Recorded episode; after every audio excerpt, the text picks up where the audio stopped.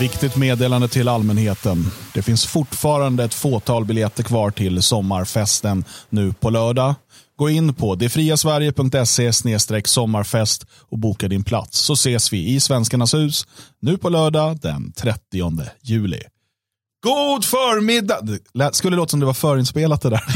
Vi, vi blir anklagade för att förinspela ibland. Så att, eh, Det är så när folk inte får reaktioner, sitter så här, eh, försöker provocera en i chatten. Ja. Så det här är säkert förinspelare för de bryr sig ju inte om att jag skriver att de är horor.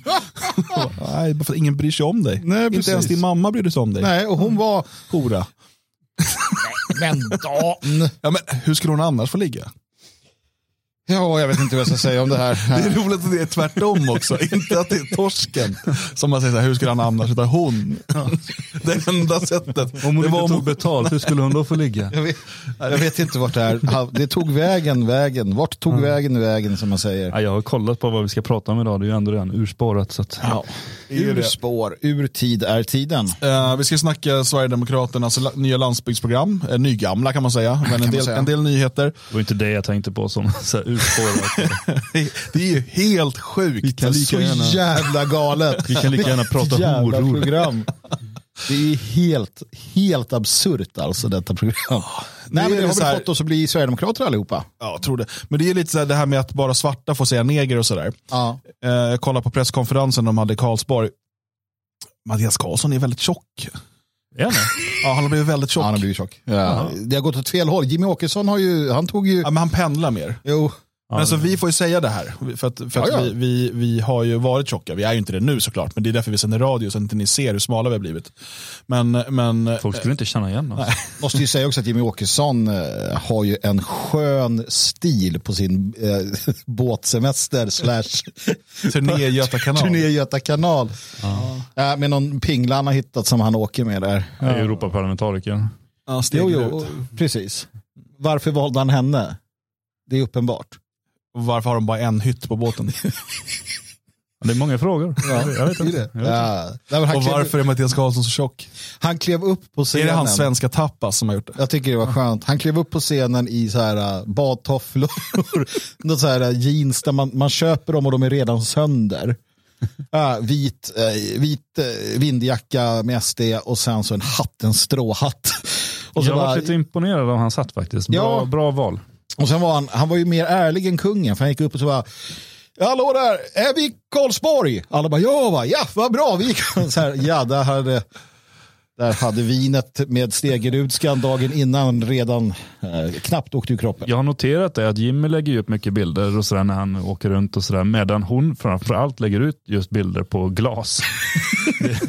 det, är så mycket, ja, må, många olika drycker som, som går ner där och sen lite träning också, men mest glas. Ja, men det, Ja men det är kul. Bra. Eh, vi tänkte ju faktiskt gå och se Jimmy i Töreboda igår. ja, Men ehm, det var ju så dåligt väder så att eh, vi, Det var inte värt det. det var Nej. inte värt det. Det var det verkligen inte. Eh, utan det var ju så här Göta kanal, eller vi hade inte tur med vädret. Nej, eller vem drog ur proppen? ja, men kampen in, gick inte främst. Nej, inte där. Jag kände inte att... Vätan. Ja. Ja, får se, idag ska han prata gästhamnen i Sjötorp här. eh, Ja, eh, får vi får se om vi hinner om och vi hinner dit. vädret tillåter. Vi ska köra fort. För då kan vi ju prata om deras landsbygdsprogram med dem. För det, men det ska vi prata lite senare i programmet. Mm. Eh, jag tänker bara en kort uppdatering här. Ehm, vi har ju flera gånger talat om den här uh, bestialiska, det här bestialiska överfallet och ja, misstänkta våldtäkten och sådär. Det är ju inte, för inte falla någon dom än, så man vet inte exakt vad som har hänt. Men, men det utreds ju som våldtäkt mot barn och, och mordförsök tror jag. Ja, precis. Och det pågår en, en undersökning, en åldersbestämning av den här eh, svarta unga mannen, för att uttrycka mig väldigt milt. Precis. Ehm, och eh, den här flickan i Skellefteå, uh, nioåriga flickan um, som föll offer för den här bestialiska afrikanen. Uh, hon uh, ska nu ha vaknat och flytt, kunna flyttas från intensivvårdsavdelningen. Mm. Och det är ju en eh, det är väldigt, väldigt trevlig nyhet i sig. Att hon de facto vaknat och ehm, är på någon form av bättringsväg får man väl då säga helt enkelt. Sen lär de väl ha en väldigt lång väg kvar och vi, vi kan ju bara hoppas och be att det inte har blivit eh, för allvarliga skador. Men eh, Jag väljer att, att tro det så länge jag inte vet något annat helt enkelt. Ja. Och hoppas. Ja, eh, våra, ja de, de som är så, alltså våra, våra böner och vår förhoppning är med såklart eh, eh, henne och familjen där, att, att hon kan repa sig. Det är ju omöjligt att sätta sig in i liksom, hur man ska repa sig efter en situation. Mm. Eh, och eh, att hon med tiden kan bli av med både fysiska och psykiska men av det hela. Eh, hon är alldeles för ung för att behöva bära någonting sånt. Mm.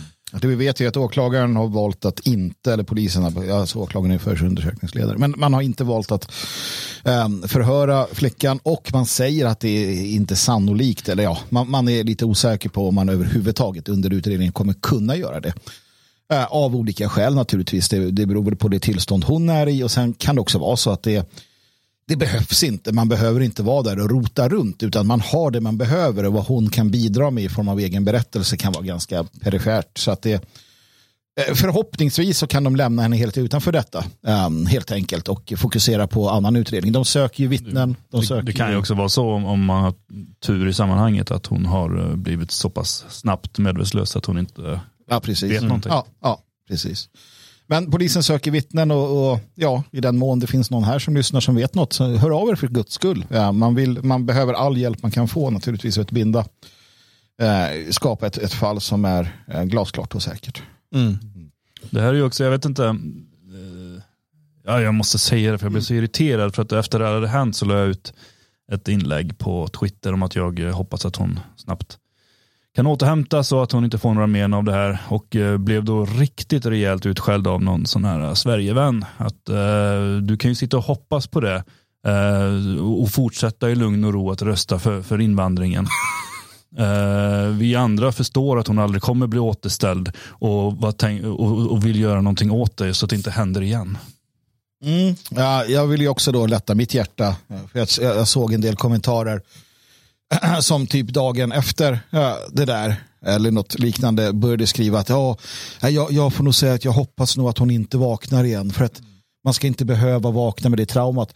Ursäkta, är du helt jävla dum i huvudet? Uh, jag vet inte vad det är för fel med människor, men uh, jag är inne på det här återigen då, om det var Nietzsche eller Strindberg som sa att de flesta människor ska inte kunna läsa, de ska inte kunna skriva. De ska hålla käften och hållas nedtryckta, för de är så dumma i huvudet. Mm. Att vräka ur sig sådana saker. Och Twitter är ju verkligen en, en tummelplats för eh, någon form av, av liksom intellektuellt eh, efterblivna kreatur till stor del. Alltså, det driver ju fram det också från, från människor. Det driver fram de sämsta sidorna. Absolut. Eh, för jag menar, det vet man ju själv också. Man blir ju provocerad av alla idioter och, och, för att bemöta dem så är det lätt att man sjunker till den nivån också. Idioter producerar, provocerar idioter. Eh, låt oss stänga ner Twitter. Men eh, nej, det är klart att man efter en sån här händelse inte önskar att någon inte ska vakna upp. Um, då måste man tänka ett par varv till. Um, vad, vad, man egentligen uh, hoppas och önskar. För man önskar att människan i fråga ska vakna upp, må bra och kunna ha ett fullt fint liv. Verkligen. Mm. Hörrni, vi ska återbesöka ett ämne vi var inne på igår. Uh, och det är jag vet inte varför, men, men det, här, det, det, det står ju som spön i backen de här sjukligheterna nu. Uh, så att, uh, ska prata lite kort om en Sebastian Kohn. Kohn? Kohn? Kohn? Jag vet inte. Cohen. Det är, som, är någon förs, försvenskad version av Cohen kanske. Jag skulle säga Sebastian Kön. K-O-H-N. Ja, fast lite kön, alltså tyska. Ja. Köln. Jag vet inte. Eh, jag har inte kunnat få fram någon early life på Wikipedia på honom för att kunna få fram. Eh, men hur som helst. Han jobbar då eh, som folkhälsoexpert på Open Society Foundation, alltså George Soros filantropiska lilla, lilla förening. Mm. Folkhälsoexpert. Det börjar så bra det här. ja. han har skrivit i The Guardian. Mm och är ganska upprörd på att eh, systemet eh, inte klarar av att hantera en apkoppsepidemi. Ja. Och han vet det här på nära hand. Då. Det gör han. Jag, jag kan om jag får äran citera honom. Eh, ja. Via då Fria Tider som har en översättning av det här från Guardian-artikeln. vill du ha liksom någon typ av musik till eller? Jag vet inte vad, alltså någon form av slag. jag vet inte vad de spelar på de här tillfällena. Ehm, jag vet inte, nå- något sånt här kanske. Go West med, jag vet inte, YMCA kanske passar. Jag kan hitta den här. Ja men det här är lite bra. då skriver han så här då, Sebastian Kön, eller Kon, eller Kön. Jag hade sex med flera killar under helgen. En vecka senare, den första juli, började jag känna mig väldigt trött. Jag hade hög feber med frossa och muskelvärk och mina lymfkörtlar var så svullna att de stack ut två centimeter från min hals. Ja, eh, han hade alltså varit på ett Pride-evenemang i New York eh, och under helgen hade folkhälsoexperten hos Open Society Foundation sex med flera, Flera killar. killar. Alltså, Jag vill åter, återkoppla till det vi pratade om igår. ja. Alltså, du, skap, du drar det här på dig själv. Mm. Och det var lite det jag ville liksom med att vi ska prata om det här, eller ta upp det här. Det, det är det att igår så kan ju vissa fått för sig att ja, men de här killarna är för homofoba, de är för osäkra på sin sexualitet. Det är därför de sitter och pratar så illa om homosexuella, medan vi säger att nej, de är inte som vi. I, I många, många, många fall så finns det uppenbara skillnader mellan homosexuella och heterosexuella relationer och sätt att utagera sin sexualitet och så vidare. Finns det manliga slampor som beter sig precis som den här i heterosex, ja absolut, kvinnor likväl. Men det finns någonting specifikt med att eh, homosexuella har behovet att gå ut och i Guardian och så bara, jag låg runt med massor med killar och fick apkoppor. Det är sällan du, du ser liksom i de, heterosexuella sammanhangen, utom i vissa vänsterblivna sammanhang kanske, eller andra sådana där, att ja, men jag var ute i helgen och bara knulla på massor med brudar på ledarredaktionen liksom, i, i eh, Guardian. Det finns en skillnad här. Ja, Det, för- handlar om sex. HBTQ handlar om en enda jävla sak. Sex. Det är det enda. Inte relationer, inte ömhet, inte kärlek, inte närhet. Det handlar om sex. Medan det heterosexuella verkar ha en större bredd. Om vi säger så.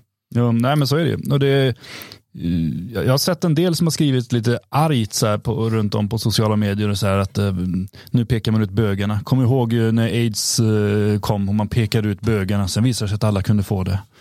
Eh, och nu är det igång igen. Liksom, kan man inte låta de här stackars homosexuella vara? Så kom det nu, precis. När vi började prata om det så fick jag en sån här app eh, uh, Day uh, eh, TT-meddelande i telefonen som berättar lite grann om uh, symptom och sånt där på, på det här. Och man berättar att uh, 17 800 bekräftade apkoppefall uh, har dykt upp i världen än så länge. 99 procent män.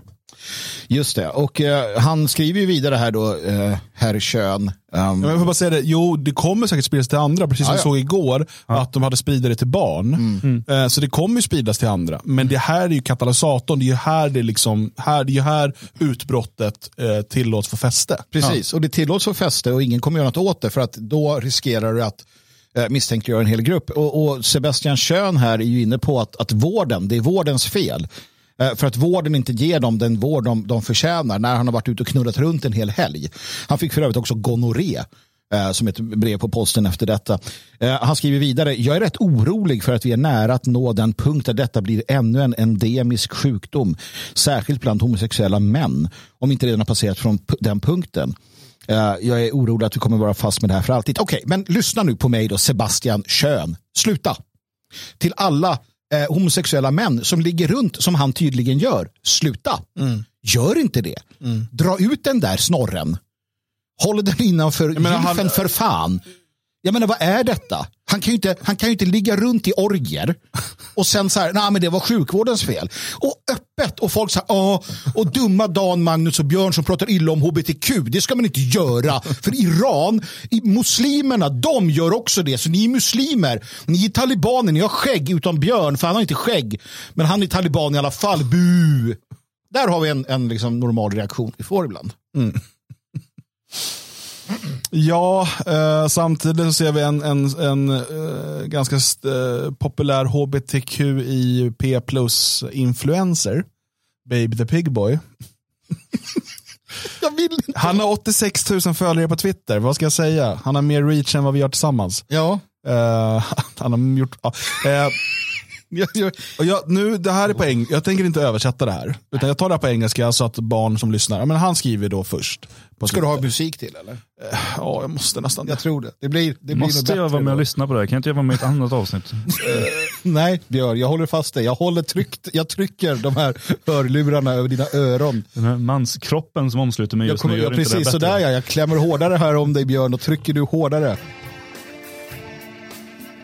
Här känner jag det är rätt. So I attend the, the orgy. Have a great time. Guzzled a metric fuckton of human piss. I think I had sexual contact with around With around. 15 men. Similar to the orgy on Saturday. Had a great time. Met some great people. And then stumbled my piss drunk ass home. Så, det var dag ett. Jag skulle ju ha filmat Det var här dag ett. direkt. Två veckor senare. Hi, so I have monkeypox. Vem kunde ana? Var kommer det ifrån? Alltså det pågår så sjuka saker i den där gemenskapen, som eller vad det svenska ordet kommer fram till, subkulturen. Alltså det här behöver en ordentlig genomlysning och det behöver en järnhäl som bara löser, det här måste få ett stopp. För att det här, är, det här är ju hälsofara för hela samhället. Jag kommer inte göra den rapporten. Och frågan är då, eller snarare så här, svaret på varför eh, klassificerar man hbtq plus personer som en folkgrupp för att kunna ge dem ett särskilt rättsskydd? Svaret, eh, Pigboy. Mm. Svaret, de själva. Deras egna utsvävningar och deras egen förmåga att i ord och bild omsätta denna eh, till, till allmänheten. Men du får absolut inte säga emot. Du får inte på ett slagkraftigt sätt verbalt säga emot, säga ifrån, ta ställning mot, för då döms du till straff. Titta på Åke Gren, det började där liksom. Men nu är de helt öppna med det. Det här är vad de gör. Det här är vad de gör. Återigen, om någon säger, nej men vadå, det är väl bara lite no- normalt. Alltså vadå, det är bara lite liksom bögeri. Liksom. Det är väl som alla andra. Sätt dem framför en bögporrfilm. Sådär ja, varsågod. Nu ska du titta på den här i 30 minuter så att du vet vad som händer. Gärna med den här Pissboy eller vad han hette. Onkel, eh, onkel. Va? Men folk, det var ju Babe som, the Pig Boy. Babe the Pig Boy, ursäkta. Men det var ju som du sa idag, i, i, igår Dan, folk vet inte Nej. vad det här är för miljö. Eh, de förstår inte vad som händer i subkulturen. De ser Mark Levengood och Jonas Gardell fnittra och hålla hand. Det är vad de ser. Och så här, ja men det är väl inga konstigheter. Nej, eh, konstigheterna står Pigboy för när han berättar om Jag det. menar, eh, som den här eh, Sebastian eh, Kuhn då, som ehm, så han säger så här, Åh, två och en halv månad in i utbrottet och vården har inte bla bla bla. Men vänta, två och en halv månad in i utbrottet och du deltar i orger. V- Alltså, det här är ju, och det är ju ännu ett symptom på den här helt avsaknad av personligt ansvar. Vänta, vi har alltså en sjukdom som sprids framförallt bland homosexuella män. Och du väljer att mitt under det utbrottet ha oskyddat sex med okända män. Mm. Du borde inte ha få någon sjukvård.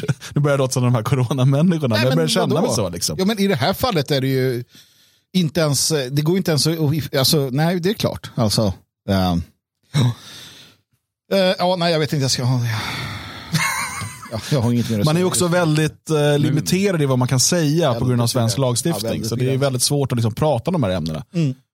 Eh, vilket i sig borde vara en varningssignal till folk att vänta, får man inte prata om de här ämnena utan att riskera fängelse? Nej, Mm. för att så ser svensk lagstiftning ut. Eh, Och med tanke på att Smittskyddsinstitutet eller vad de heter, Smittskyddsmyndigheten, hälsovårdsmyndigheten inte gör det så får jag göra det. Eh, nu när vi är mitt i ett utbrott av apkoppor, uh, håll behörigt avstånd från eh, Riskgrupper. riskgrupper och torka tårar med handskar. Det är ju ett vaccin på gång här nu som snart börjar spridas ordentligt. Så att, eh, Tur. Ja men då eh, så. Sen kan man fortsätta med Pride-paraderna. Och jag uppmanar alla ni som är i riskgruppen i det här fallet att ta vaccinet. Ta det 10 000 gånger. Ta alla doser ni kan hitta. Ta Alla vacciner doser. ni hittar. Ta alla vacciner som bara finns. Ta så många vaccin ni bara kan. Det är väldigt viktigt för Se till riskgruppen. att ni har väldigt lite blod kvar i vaccinomloppet. Precis. Det är viktigt. Eh, varför vill du prata tandläkare, Magnus? Vi pratar ju ofta om hur det ligger till. Vi pratar om eh, den här sjukvårds, eh, eller inte sjukvårds utan vård omsorgsproblematiken eh, eh, som vår visselblåsare där skrev om på detfriasverige.se. Eh, och vi pratar om problematiken i Sverige, hur illa är det egentligen? Och vi får veta det ibland. Eh, och vi ska prata om SD som ska kanske då lösa landsbygdsproblematiken. Landsbygdskrisen som jag väljer att kalla den för. Eh, och som en, liksom, eh, ett skohorn in till detta så vill jag att vi pratar om Ulrika. Ulrika som bor i, i Norrlands inland, eh, om jag inte missminner mig. Eh, Norrbotten, Västerbotten. Det är ganska långt bort. Va? Och eh, Ulrika Steigert, Steigert då, som bor i Bor i Lycksele. Lycksele. Mm. Ja. Hon, eh, hon har problem med tänderna och hon behöver kontinuerlig uppcheckning av sina tänder. Eh, och hon ringde då till Folktandvården, denna folktandvård. Och jag, jag, jag, jag vet ju vad det är, jag har gått till Folktandvården hela mitt liv. Det är ju liksom folkets tandvård. Det är ju liksom eh, välfärdsstatens tillhandahållande av eh, exemplarisk tandvård. Och hon ringde dem och sa tjena tjena jag behöver fixa mina tänder eller kolla mina tänder, en vanlig undersökning. Och de sa absolut vi ordnar det, vi ordnar en tid till dig. Ulrika, vi ser här att om fem år är du välkommen på en eh, undersökning. Man måste ju skratta åt det. Och jag tänkte precis så också. Att jag, joho ja, okej. Så har ni fem, vad? Fem, va? Fem, fem år, Fem Ulrika. år, ja, Fem år är du välkommen. Vi har en tid här den 25 augusti. Kan du då, eller hur ser det ut i almanackan? Det är, väl, är det inte då vi ska göra smörgåstårta, jag och Maggan? Jag tror att det är den, den dagen då. Eh, och så här ser det ut. Uh, tan, för folkhälso, folkhälso, tan, tan, folktandvården säger att eh, barn och eh, akuta ärenden kan de ta hand om. um, inom en rimlig tid. Men uh, just det här går inte. Uh, vanliga undersökningar, det är fem års väntetid ungefär på det. Um, och jag vet själv, eh, jag hade ju problem förra året, tror jag det var vid den här tiden ungefär, med, med eh, lite tidigare, med tänder. Och, och jag, fick, jag hade alltså en, en pågående sån här infektion. Um, som gjorde så jävla ont. Ni vet alla som har haft det hur det känns. Eh, jag, jag, Jag vet hur det känns att ha en kollega som... Ja, jag, var, jag var inne, jag, fick, jag var inne och bekostade en egen så här akut tid för att de skulle bara göra något för att lindra smärtan. Eh, och man åt mediciner, då smärtstillning. Och, och jag fick en tid. Eh, och den tid jag fick, den låg typ två månader in i framtiden. Eh, det var bara att härda ut, för ingen kunde göra någonting. Ja, det är typ att Dan ska slå mig på käften så att tanden ryker någonting. Eh, men sen efter de två månaderna, på dagen, då, då jag skulle åka in, då ringde folktandvården innan jag, precis när jag skulle sätta mig i bilen och så bara du, eh, tandläkaren är sjuk här så att vi har en, vi har en tid till dig om, om en månad. Och jag sa bara det kan du glömma. Alltså glöm det. det. Ni ordnar det här. Tog några minuter, sen hade de ordnat det också. Jag fick hjälp. Men det är så här det ser ut. Och, och det är det här som jag vill liksom bara lyfta. Om du är frisk, om du har pengar, om du mår bra, om allt är okej, då är Sverige hyggligt. Det är schysst att bo här, du kan liksom ha det bra. Så fort någonting händer, då går det liksom från bra till åt helvete dåligt på många platser om du inte har privat försäkring, sjukvård, tandvård och vad du vill. Fast, Va? ja, jo precis. Men, men den privata försäkringen löser väldigt lite av de problemen i Sverige. Ja, så, så, om du inte är typ alltså topp topprocenten som flyger till sin egen klinik i Schweiz eller någonting. Va? Um, Alltså, det, det, det är ju skrämmande hur uselt det här fungerar i Sverige. Och, eh, bara som en passus då, jag har återigen fått uppleva att försöka flytta till Sverige från ett EU-land. Mm. Mm. Eh, nu säger Försäkringskassan att det ska ta minst nio månader innan vi är inne i systemet. Så vi är inte försäkrade i Sverige. Då sa jag så här, men vad ska jag göra nu då om vi blir sjuka? Så här, de bara, nej men behåll försäkringen i Tyskland. Eh, min privata försäkring då som betalar där. Men, ja. och så, pratade jag med Tyskland och de bara, nej, du bor inte i Tyskland. Du kan inte vara försäkrad här. Eh, när jag flyttade till Tyskland så tog det två arbetsdagar att bli inskriven i systemet. Mm. I Sverige nu tar det minst nio månader. Det tog nio månader förra gången jag flyttade hit. Nu tar det minst nio månader, så det är väl förmodligen mellan ett och två år. Eh, under den tiden har vi inte rätt till sjukvård förutom akut sjukvård. Mm. Eh, alltså vi har samma stat som illegala invandrare. Mm. Ehm, och, så jag frågade, okej, men om vi behöver sjukvård, och vi får betala det själva. Kan vi få det retroaktivt sen? Ja, det är inte säkert. Nej. Nej. Så att vi får ju bara hoppas att vi inte kommer behöva sjukvård de närmaste en, två åren. Och vi är ju svenska medborgare ska sägas.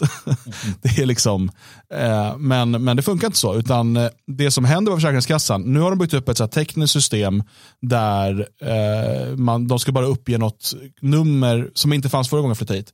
Um, inom EU då, så, så att eh, mitt försäkringsbolag i Tyskland har gett ett nummer som jag har gett till Försäkringskassan. Och Det ska in i ett system och då får de alla uppgifter och så går det på några minuter. Mm. Men de har ingen handläggare ledig förrän som nio månader mm. som kan skriva in. Så när jag pratar med dem så jag bara, men jag pratar med dig nu, kan inte du bara skriva in de här siffrorna då så det aktiveras? Nej, jag är inte handläggare, jag är kundservice-medarbetare mm. eller någonting. Mm. Okej. Okay. alltså det är den situationen man är i i Sverige. Och Samma sak jag berättade tidigare, innan jag flyttade utomlands så var jag hos läkaren och sa du måste operera knät. Eh, du kan få en, eh, då var på våren, du skulle kunna få en operation höst någon gång. Det var också 6-9 månader eller något sånt där. Eh, flytta till Tyskland, de säger du kan få en operation på måndag. Mm. Vad är skillnaden då? Jo, skillnaden är just det. I Tyskland har en stor andel av befolkningen inte den allmänna socialiserade sjukförsäkringen. De har privata sjukförsäkringar. Mm. Och Vad gör det? Jo, det gör att det kommer in jättemycket pengar i systemet som också finansierar de som inte har råd med privata sjukförsäkringar mm. så de kan få bättre vård. Det är därför också till exempel tandvård ingår i liksom allmän sjukförsäkring. Du betalar inte för tandläkarbesök mer än du betalar för vilket läkarbesök som helst. Mm. Um, men, men i Sverige har vi ett socialistiskt sjukvårdssystem där alla tvingas betala in mycket mer än vi betalar. Alltså jag betalar i Sverige, med samma lön som i Tyskland, betalar jag mer för den allmänna sjukförsäkringen än vad jag gör för en privat sjukvårdsförsäkring i Tyskland. Mm. För att systemet är så fyllt med byråkrater, eh, parasiter och andra som bara kostar pengar. Ett ineffektivt system utav en massa jävla kärringar på massa myndigheter som sitter och vänder papper dagarna ända. Eh, som gör att pengar försvinner på vägen eh, och, och, och, ingenting fungerar. Och, och, varför, och där har man inga eh, sen har man inga läkare ute på landsbygden. Man har ingenting. För att läkarna dessutom i Sverige i ett europeiskt eh, mått mätt tjänar dåligt. Mm. Alltså vi betalar jättemycket i Sverige för sjukförsäkringen, men vi får skit lite tillbaka. Och svenskarna går runt och tror att vi har den bästa sjukvården i världen. Jag blev, jag blev ju väldigt sådär överväldigad äh, när jag hade haft mitt Får jag bara säga en sak? Eva-Marie skriver i chatten här, det är inte nio månader för alla, det finns gräddfil. Uh, utom europeer kommer allt först. Ja, alltså om du inte kommer från EU, då går det direkt. Ja, ja. Alltså det är ja. om du flyttar från ett EU-land, för då ska du via det här EU-systemet och då har de bara x antal handläggare och de har inte tid och bla bla bla. Så kommer du från utanför EU eller utanför Europa, eh, eller EES, eller det är något jävla system mm. där allt är inbyggt i. Jag tror Norge är med där också. Om du kommer utanför det, då kommer du in i systemet direkt. Nej, men jag, var ju, jag blev ju, för, inte förvånad, det är fel att säga, men det, efter mitt debacle med tanden och, och tandvården så så, så satt jag och funderade hur jag skulle undvika det här. Jag, jag vill liksom inte hamna här igen. Uh, och då, då fanns det, och, och, det är det här som, det här säger liksom det mesta förutom hennes fem års väntetid, uh, så berättar då uh, Folktandvården för mig att jo, det här är Folktandvården, det är skattefinansierat och så vidare. Och så vidare. Vi erbjuder också en tandvårdsförsäkring. Mm. Vänta nu, alltså det, det, det, som är då någon form av det, det liksom regionens, landstingets egna som inte är privat, de erbjuder en tandvårdsförsäkring och jag tog den. Den kostar mig 350 spänn i månaden. Mm. För att då får jag lite gräddfil. Jag får, jag får liksom, det, det, det görs kontroller och de håller koll. så. Men, men har man inte den möjligheten, vilket jag i princip inte har. Mm. Men jag tar med den möjligheten för att jag vill, just tänderna är väldigt sådär. Alltså. Mm. Uh, ja, då är man ju körd. Mm. Då blir det ju den här typen av väntetid. Sen, sen, sen, är det ju lite beroende på vart du bor naturligtvis. Norrlands mm. inland är ju hårt drabbat. Ja. Um, och då kommer vi in, alltså glesbygd, landsbygd är ju hårt drabbad generellt sett. Kan vara bättre och sämre. Men, men uh, det leder oss ju då in på um, det, det vi ska prata mer om och vilket är då Sverigedemokraterna som faktiskt ska rädda landsbygden med ett nytt landsbygdsprogram. Och det, det är ju någonting som verkligen behövs. Vilket ja, fall och vi ska gå igenom det här programmet och det jag kan säga som, bara som en generell uh, som intryck av att ha läst igenom det är att jag tror att Sverigedemokraterna gör mycket rätt här. Absolut. i och att ta den här positionen eh, som de små kommunernas och landsbygdens eh, försvarare. Sen är det klart, eh, det är inte, eh, alltså majoriteten av väljarna bor fortfarande urbant. Mm. Så att det är inte så att du vinner 50% på det. Men man kan bli liksom landsbygdens röst och kan man sen ingå i, alltså, för det är också en sån här sak man måste inse att och liksom inget omvälvande händer de närmaste 10, 20, 30 åren så kommer vi inte gå tillbaka till en tid med ett parti med fem, över 50% av rösterna. Utan allt kommer handla om olika kompromissregeringar med eh, ibland till och med minoritetsregeringar. Och, så det kommer vara kompromisser hela tiden. Ehm, och, och, och tittar vi bara på det här parlamentariska planet då, där vi själva inte är aktiva, men, men det är en verklighet vi måste förhålla oss till. Så är det ju så att eh, då, då kan Sverigedemokraterna vara en del av, av både en regering men också kanske ett, liksom ett regeringsunderlag. Alltså en, en, en, ett stödparti till en regering så som det förmodligen blir efter höstens val om, om eh, högerblocket blir sta- starkast. Eh, och då kan de ju eh, genom att ta den här positionen driva igenom en del sådana frågor och få, få med det i ett paket och kunna visa då för landsbygden till exempel, titta, vi fick igenom det här och det här och det här. Det har, tack vare att ni röstade på Sverigedemokraterna. Ja, för det, det, det, det det är ju kanske här då som SD kan hitta sin nya roll. Med tanke på att Centerpartiet har nu proklamerat sig vara eh, anhängare av socialdemokratin. Det, det, det är de. Och eh, de har liksom övergett landsbygden. Rent praktiskt, vilket jag tror landsbygden känner, så finns det ju inget landsbygdsparti längre. Och i det blocket då, om vi ser då MKD som vill bilda regering kanske med L, så är alla de egentligen eh, utpräglade, alltså det är inte landsbygdspartier på något sätt.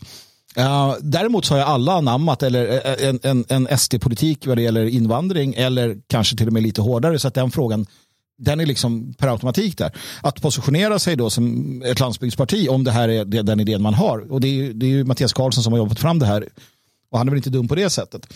Det är nog kanske riktigt smart av SD för då finns det en, en roll för dem i ett framtida eh, regeringssamarbete eller då som stödparti. Ja, man får ju se. För det, i, I Almedalen så var ju Kristdemokraterna, Ebba Busch, hennes tal gick ju väldigt mycket ut på att de är det nya landsbygdspartiet. Så att, eh, det blir ju en kamp på den sidan också om vem, som, vem som kommer ta rösterna. Jag tror att Sverigedemokraterna har bra chans att, att ta det därför att ehm, någonstans så känns det som att eh, Sverigedemokraterna har en lokal förankring ute liksom i, i, på gräsrotsnivå på, på landsbygden mer än vad alla andra partier har tillsammans. Eh, Centerpartiet har fortfarande mycket landsbygdsröster av gammal vana, av hävd. Folk röstar så här för att pappa gjorde det. Papp, Och de har väl en del lokala företrädare som är väl förankrade i kommunen och sådär. Ja, absolut. absolut. Så att, men, men på riksnivå så har de ju definitivt övergett. De pratar ju aldrig om landsbygd eller jordbruk. Mer än kanske på något plakat ibland, men det är ju aldrig i, i, i handling. Så att, eh, jag skulle väl tro att i och med att de har övergett det och insett att eh, det, det är mycket mer röster att hämta i städerna så pratar de mycket hellre om småföretagande än specifikt om små jordbrukare till exempel. Sen kan man ju konstatera att den här, eh, det här programmet är populism. Absolut. Eh, och det ser jag inte på något sätt som negativt. Mattias Karlsson under presskonferensen som de höll här, inte bara ett stenkast därifrån i Karlsborg, ehm, för några dagar sedan, så, så säger han ju också det att det här är inga, de här punkterna är ingenting jag hittar på, utan det här är ju vad folk har sagt till mig på landsbygden och i små kommuner att de vill ha. Det är populism. Eh, Jag ser inte det som något negativt, jag bara konstaterar det. Och det märker man också när man läser igenom punkterna. För är det, de har liksom prickat in allt som folk i landsbygden och, och små kommuner är arga på. Att det ska vi göra någonting åt. Eh, och det är ju jättebra. Men kan man få igenom en del av det här så, så kommer det lyfta landsbygden och, och små kommunerna på många sätt. Ja, så, och är det sant som man säger, vilket jag inte har anledning att betvivla, så betyder det också, för en egen del i alla fall, att eh, min, min, mitt, tr, min tro på, på eh, liksom den stora allmänhetens eh, insikt och kunskap och eh, liksom att veta sitt eget bästa eh, rehabiliteras. För det här är som ni säger, det här folk vill ha på landsbygden. Det är, de vet vad de behöver. Jo men det är ju ofta det. Eh, Folk vet vad de vill och behöver i sin närhet. Det är ju det här vi ofta pratar om. Det är mycket svårare att förstå de stora liksom, politiska skeendena på rikspolitiken eller ännu värre EU-nivå eller liksom, FN-nivå och sådär. Och- Eh, men, man vet ju vad som, vad som stör och förstör och vad som är i vägen och vad som funkar och inte funkar där man själv bor oftast. Speciellt om man är, är man lantbrukare så vet man liksom vad, vad, vad vad som är problemet där och vad som funkar och inte funkar. Eh, driver du företag eller är du lärare? Eller liksom, du, du ser vad som händer där, där du är aktiv. Så, alltså det första eh, kapitlet handlar om decentralisering vilket är ett ord jag älskar. Mm. Värna de små gemenskaperna och det lokala självbestämmandet. Bland annat då eh, att man ska återföra delar av självbestämmanderätten, betydande delar, eh, från EU. Eh, till exempel då vad gäller skogspolitiken och dessutom sätta stopp för all, all ytterligare maktöverföring till Bryssel. Man vill rädda byskolorna så att de blir kvar. Eh, och Det här genom ett eh, statligt bryggstöd eh, som då ska vara en typ av temporärt stöd. För att Det som händer på landsbygden är ofta att du har vissa årskullar då det är färre mm. barn. Mm. Och då brukar politiker och andra passa på att stänga de skolorna för just då så går det inte runt ekonomiskt. Precis. Ja, och man har ju en vidare och det är på en annan punkt men man vill också då se till så att eh, man använder tekniken mer. Vill kunna göra det möjligt för eh, liksom, att, att använda den för att behålla byskolor eller liksom nära undervisning och inte skicka barnen liksom till mm. centralorter. Och det är ju väldigt viktigt kan man säga om folk ska, speciellt folk som antingen ska vara kvar eller etablera sig på landsbygden. Mm. Att det finns en skola i närheten, det kan vara väldigt avgörande för barnfamiljer. Ja, det är den i särklass vanligaste fråga vi får. Äh, sådana som då presumtiva eh, nybyggare i Elgarås. Ja. Hur är det med skolan? Mm. Så det är absolut jätteviktigt. Mm. Och sen då, kanske lite Estes paradgren här. Äh, återinför kommunernas möjligheter att säga blankt nej till flyktingmottagande. Mm. Tills dess att ett asyl eh, asylantstopp är infört på riksnivå. Mm. Det är bra att de säger det. Ja. Det, det. det, är bra. Det är bra att de går vidare och pratar om vetot mot eh, vindindustrianläggningar. Mm. Att, att kommunerna ska kunna säga nej. Alltså, mm. det, är ett, det är ett ökat kommunalt självbestämmande och det är livsviktigt. Det här måste vi hjälpa till att att, att få till stånd, alltså att kommunerna ska vara mer självbestämmande, det, det, det, det är avgörande viktigt i en globaliserad, en globo-homo-värld. Mm. Um, att stå upp för kommunerna. Så att, ja, det är jättebra att de tar upp det. Mm. Det här var någonting jag också lärde mig om eh, först när jag, när jag flyttade eh, ut till Hasselfors och, och, började prata lite med folk där och liksom vad folk var sura på där. Mm.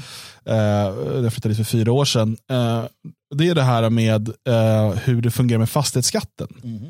Mm. För att eh, fastighetsskatten för industri och energifastigheter, det kan ju då till exempel vara de här vindkraftparkerna. Eller ja. sådär. Och all annan fastighetsskatt också, men just de här de är ganska höga. Mm. Och de går in till staten mm. som sen då fördelar dem som de tycker det passar. Här vill då Sverigedemokraterna att eh, regionerna, eh, landsbygdsregionerna ska få behålla eh, de intäkterna. Den fastighetsskatten ska stanna där och inte gå till Stockholm. Att det inte är självklart säger ju en del om hur jävla dumt det jo, är. Men det är en sån här fråga som inte, när man själv, jag är liksom uppvuxen mm. i Stockholm, det har aldrig varit en fråga jag tänkt på ens. Nej, nej. nej men, men jag förstår för människor som bor i eh, och kanske driver företag och mm. liksom betalar de här fastighetsskatterna. Eh, vi hade till exempel eh, sågverket då i Hasselfors, det var där jag fick höra om det betalar jättemycket hög fastighetsskatt mm. och sen ska det skickas till Stockholm istället för att stanna i kommun eller region eller så. Ja, för att jag kanske blir mycket, mycket mer vänligt inställd till till exempelvis vindkraft eh, i, i min kommun eller i närheten av mig själv. Om, om jag ser en betydande skattesänkning mm. till exempel eller någonting annat positivt. Att okej, okay, jag ger jag, jag, jag, jag ger bort lite av min utsikt eh, och det här ljudet för detta. Alltså det är ju så politik måste fungera. Men nej, jag visste inte heller detta. Äh, ännu, ett, ännu ett skäl att hata centralmakten och staten. Liksom. Var det någonting Björn du reagerar på eller som tycker vi ska prata om under decentralisering? Eh, ja, alltså, jag tycker första punkten är intressant för att i princip så säger de att vi måste lämna EU för att EU kommer ju aldrig gå med på, på det här. Så jag applåderar jättehårt och högt jublande och säger mm. att eh, absolut. Eh, ja. Ännu högre egentligen. Ja, eh, jättebra. Eh, ja, nej, men jag, jag tycker i det stora hela att det är mm, bra och positivt. Det här med elen och det är ju en, en, ett ständigt dilemma. Alltså vi, vi har en eh, stat som uh, har lagt ner uh, kärnkraftverken och nu bestämt sig för att vi behöver vindkraft och sen så säger kommunen att absolut, men inte hos oss. Eh, I det stora hela blir det ju väldigt svårt. Eh, det är en svår fråga. Eh, det måste ju lösas på något sätt. För säger alla kommuner nej, då blir det ju så här rysk och tysk kolkraft och sådana grejer vi får importera istället. Den frågan hävdar jag bestämt inte är enkel alls. Även om man kan göra det väldigt enkelt och bara säga att nej, det är klart att man ska kunna säga nej. Men eh, står vi utan el helt och hållet i Sverige så, så blir det inte så jävla fräckt. Men eh, så, som vi var inne på, att det är ju klart att kan det bli belöningar istället för straff så, så kanske fler kommuner är intresserade. Sen kanske det är så att de eh, kommunerna får eh, rätt att säga nej och de säger nej, då måste staten bygga kärnkraft. Mm. Och bara, "Nej, men det, det går inte att ha det här för ingen vill ha det. Kanske man frågar kommunen vill ha kärnkraft, ja tack. Säger då varenda SD-kommun i Sverige. Speciellt om de också, för där är det också så höga skatter såklart eh, för sån energifastighet. Mm. Eh, Om det kan också behållas. Eh, Vilket gör att du kanske kan sänka kommunalskatten Mm. ehm, för de som bor där. Jo men precis, kan man locka med sådana belöningar då blir ju allting mycket mer intressant. Mm. För att annars är det väl ingen vill väl ha någonting liksom som, i onödan. Nej, nej, det är klart. Så bara, men vill, vill du välja på ett kärnkraftverk eller ska grannkommunen ta det? Nej men låt grannkommunen ta det. Mm. Ja, fast ni får så här mycket pengar, vi tar det. Ja, men så är det, var ju så så man gjorde med flyktingar. Det är så jag skulle göra i min trädgård. Bygg kärnkraftverk där. Ge mig. Skattefrihet resten av livet. Men, men generellt då så tycker jag att just att man använder, alltså man pratar decentralisering, man pratar om återflyttande av makt till eh, människor nära dem själva. Mm. Eh, Det är ju sällan politiker pratar, alltså politiker, och det känns mer äkta när SD gör det. Det känns faktiskt som att en sån som Mattias Karlsson i de här frågorna, han är genuin. Han, han vill verkligen det här. Till skillnad från en sån här jävla sprätt eh, från ett annat parti sitter och yrar om det. Alltså jag får för mig att han menar allvar och det, det uppskattar jag. Frihetsfrågan är jätteviktig för oss. Mm. Nästa kapitel handlar om lag och ordning, tryggheten åter i hela Sverige. Jag var Eh, tvungen att bara stry- stryka under vår vision. Alla delar av Sverige ska präglas av trygghet, lag och ordning. Mm. Till skillnad från vad alla andra partier säger. Ja, de är unika här. Ibland blir man jävligt trött på formuleringar. Alltså, Ja. jag, jag fattar ju att det går hem. Annars hade inte alla partier skrivit exakt sådär. Men, men det är så tomt. Ska vi testa? Vi startar ett parti där vi, så här, vi, vi är inte helt övertygade om Vi att vill alla ha otrygghet, Ja. laglöshet och oordning. på många ställen, men vissa ska präglas av lag och ordning. där, vi, där vi vill. Ja. Rösta på partiet. Eh, här har man ju då fokuserat återigen, uh, det här skiljer sig från pro- programmet på riksnivå, så att eh, då fokuserar man på det som, som är ett problem för eh, många på lands och glesbygd, det vill säga framförallt då östeuropeiska stöldligor eh, som åker runt, eh, stjäl från både företag och privatpersoner. Eh, vi har haft kopparstölder och, och, och sådär, men, men det är ofta eh, allt ifrån Alltså det har ju varit hur mycket som helst och det här är ju något som man inte märker på samma sätt kanske i storstäderna. Eh, Men här ute på, på landsbygden så kan det ju vara ganska stora områden med ganska få människor. Och Generellt sett så är det ju om, man vill stjäla någonting så är det ganska enkelt på landsbygden. Så, så länge du inte blir påkommen, för då kan det vara jävligt mycket jobbigare här. Det, det kan det vara, men det är också väldigt, du, du som, som, som bonde är du mycket, mycket utsatt också. Ja, för att du, du, du har, du, ofta så liksom ligger det avsides. Det är stora arealer kring dig. Uh, och det är ganska obehagligt när det kommer liksom östeuropeiska stöldligor och väller ut ur en bil. Uh, många bönder skulle ju inte göra någonting såklart. Uh, för det är obehagligt. Och de, de är rätts, rättslösa i detta på ett sätt som många andra inte är just för den, de är isolerade. Ja, men sen är det ju inte, det, det är ju inte bara så, utan det är ju, jag, menar, jag minns när jag bodde i Karlskrona, där försvann det ju cyklar på löpande band, enorma mängder. Ja, ja. Och sen så såg man alltid de här skåpbilarna. Så, när, man, när vi åkte, vi tryckte ju tidningar i Polen, så att vi åkte där fram och tillbaka jämt och ständigt. Massor av t- polskregistrerade skåpbilar som åkte, som inte kontrollerades, som bara åkte igenom. Eh, kontrollerades på polska sidan, men de var kul att ni kommer med cyklar. Det där eh, tog Karlsson också upp under presskonferensen där då och sa det att eh, polisen, koll, eller tullen kollar ju inte ens efter stöldgods. Alltså de, det är inte deras uppdrag. Nej. Eh, och dessutom står det ofta typ en tulltjänsteman och det kommer ett stort gäng. Liksom. Alltså det, det, de, de är inte ens beväpnade i tullen. Liksom. Nej, nej, det är Eh, så det är bara att vinka förbi. Ja, ja. Eh, Så det där är ju någonting man pratade om att det behövde stärkas också. Man är inne här på då, det här man har pratat om på riksnivå, öka polistätheten i hela landet. Eh, eh, skärpa straffen för tillgreppsbrott, kriminalisera utförsel av stöldgods, det var det där. Alltså, ja. Och göra det enklare att förverka misstänkt stöldgods. Det låter som självklarheter, men uppenbarligen är det inte det. Nej. Nej, som sagt, förstår man lagstiftningen och myndigheternas olika uppdrag så förstår man varför man skriver så här. Ehm, och det är som du säger, att eh, om tullen inte ens letar efter det, det är inte deras uppdrag. Utförseln. Liksom. Sen tar man upp det här också, eh, krafttag mot ekoterrorism. Mycket bra, det här gör mig väldigt glad eh, att någon bryr sig om detta, för det här är ett aber Ja. eh, på landsbygden. Och Det handlar ju då om, eh, man skriver om militanta djurrättsaktivisters hot, vandalisering och våld mot svenska bönder, jägare och djuruppfödare bör bestraffas hårdare än idag.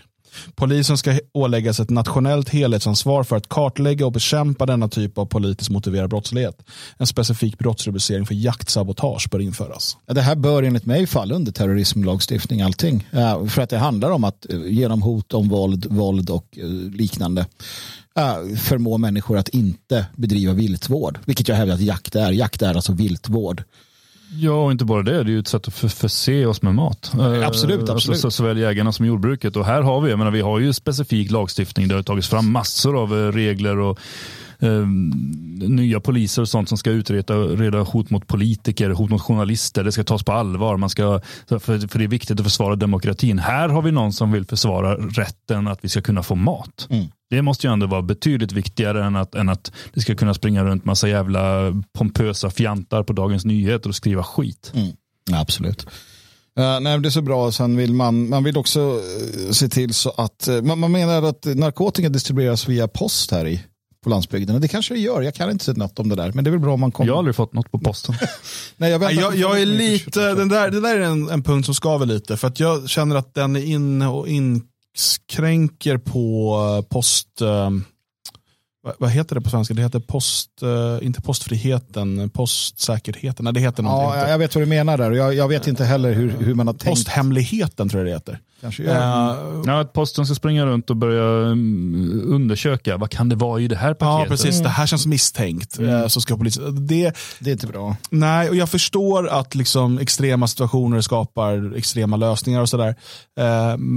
men jag, jag är inte helt säker. För mig blir det som så mycket annat som tyvärr Sverigedemokraterna föreslår på riksnivå, att det är ett mer steg mot drakoniska lagar mm. och mer övervakning. Mer, alltså, mm. Det blir lite samma sak här. att man där, där får man höja ett litet varningens finger. Sen, mm. vet, sen kan inte jag säga faktiskt ett, ett mycket bättre sätt att komma åt det. Om det just skickas med posten. Nej, Utan, men man får väl som vanligt ha, ha spaning, ha koll på vilka är det som säljer narkotika. Mm. Sätt span på dem och, och skulle det behövas så ha husran, ständig husrannsakan, kolla igenom deras post innan den kommer fram. Men inte gå, att posten som, som myndighet ska hålla på och gå igenom allas post. Nej, det blir också, som vanligt så lägger man, ålägger man då ansvaret på enskilda posttjänstemän och de är ganska lätta att hota upp. Mm. Jag menar, det är bara att preja av bilen från vägen och säga det till mina paket gör du fan i, annars så åker det på proppar. Mm. Mm. Så att nej, man ska inte ålägga en vanlig brevbärare att göra dylikt, absolut inte. Um, Nästa kapitel, de gröna och blå näringarna. Stärk den svenska självförsörjningen. Eh, där går man då bland annat in på eh, så här, gör de tillfälliga sänkningar av skatten på drivmedel permanenta och sänk de kostnadsdrivande kraven på inblandning av biodrivmedel till ett minimum. Den här reduktionsplikten som det talas en del om och nu är ju även Moderaterna emot den. De var för den för två år sedan och röstade för. Mm, mm. Men nu är de också emot den tydligen mm. när, när resultatet kom av deras handlande. Precis, vi har ju pratat om det här med att politiker inte vet vad de gör. ja. Nej, men, men då alltså, kan vi ju rösta på Moderaterna nu för att nu har de ju förstått. Biodrivmedel, biodrivmedel borde ju förbjudas. Eh, för att ja, men alltså, de förstör motorer. De gör ju så att, att, alltså att, att reparationer och liknande ökar vilket är en enorm belastning på miljön. Att du ska behöva tillverka massor med, med liksom nya eh, delar och, och hela den biten. Eh, effekten minskar ju också väldigt mycket med biodrivmedel. Uh, vilket gör att du kommer liksom kortare på, på, på, på mindre. Um, mm. Jag tycker det. Jag tycker att det där är ren skit. Jobba, alltså ska du ha en omställning, vilket jag är helt för, um, så, är det, så är det annat som krävs än det där. Sen har man ju då lyssnat på dig Magnus. Det är jättebra. Det tycker vi om. Uh, och då står det så här. Inför direktiv om att inga myndigheter får införa nya regler på dessa områden utan att först ta bort en befintlig regel. Mm.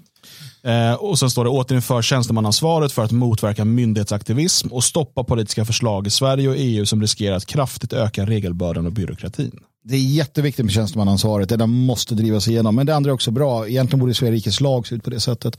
Det ska bara få finnas x antal lagar eh, och gärna jävligt få. Ja, sådär. Nu har det ju kommit eh, nya gifter här vi måste förbjuda. Så vi får väl legalisera mord då. Ja. Ja, men så, så får det ju vara då. Ja, jag, jag, jag säger fortfarande inte något annat. De lyfter myndighetsaktivismen, det tycker jag är bra också. Fantastiskt bra. Eh, mer sånt vill man se. Mm.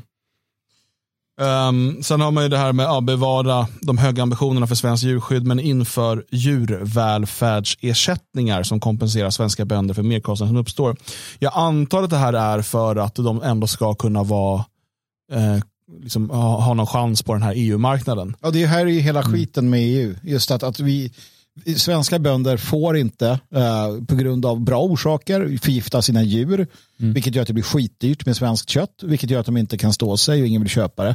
eller uh, även om man vill så typ kommuner får ju inte köpa det. Nej, precis. Uh, så att problemet är EU här. Det, men det där vill ju man ju komma åt här uh, genom punkt 5. Stöd den svenska livsmedelsproduktionen genom att alltid prioritera svensk fisk och svenska jordbruksprodukter inom offentlig upphandling. Mm. Mm. Öka medfinansieringen för förverkligandet av livsmedelsstrategin samt återupprätta beredskapslager för livsmedel, agrokemikalier och utsäde. Mm. Ja, det är mycket en punkt, men allting är ju äh, bra. Man, man, man, man, man visar ju tillbörlig respekt för, inte klimatet, men miljön, ja. djurskydd, ehm, och svensk bondenäring. Det här är ju fantastiskt fint. Det är inte en massa dumheter om, om liksom, ja, men upp i det blå, utan ett ganska jordnära.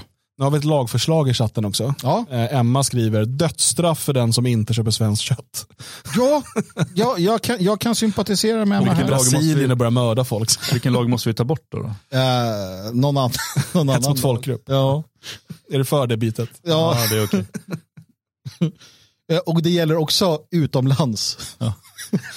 som, som den här, man ska ju dömas för till prostitution och så. Ja just det, om man eh, köper, köper sex utomlands ja. man kan dömas i Sverige. Precis, och då köper du utländskt kött utomlands.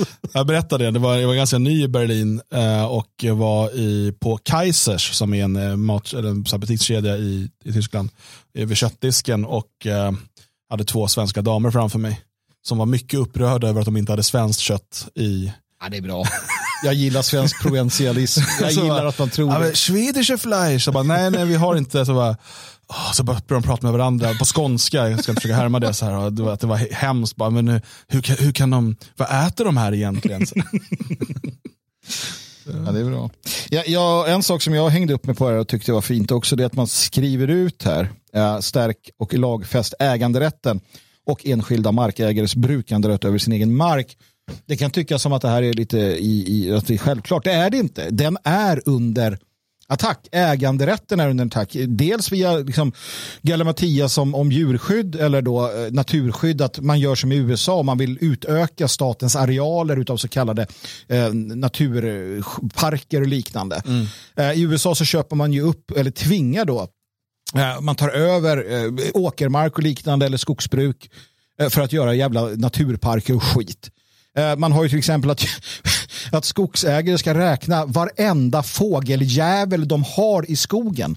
Alltså inte bara vilka arter utan alla fåglar ska räknas innan och sammanställas innan du kan få avverkningsrätt och så vidare.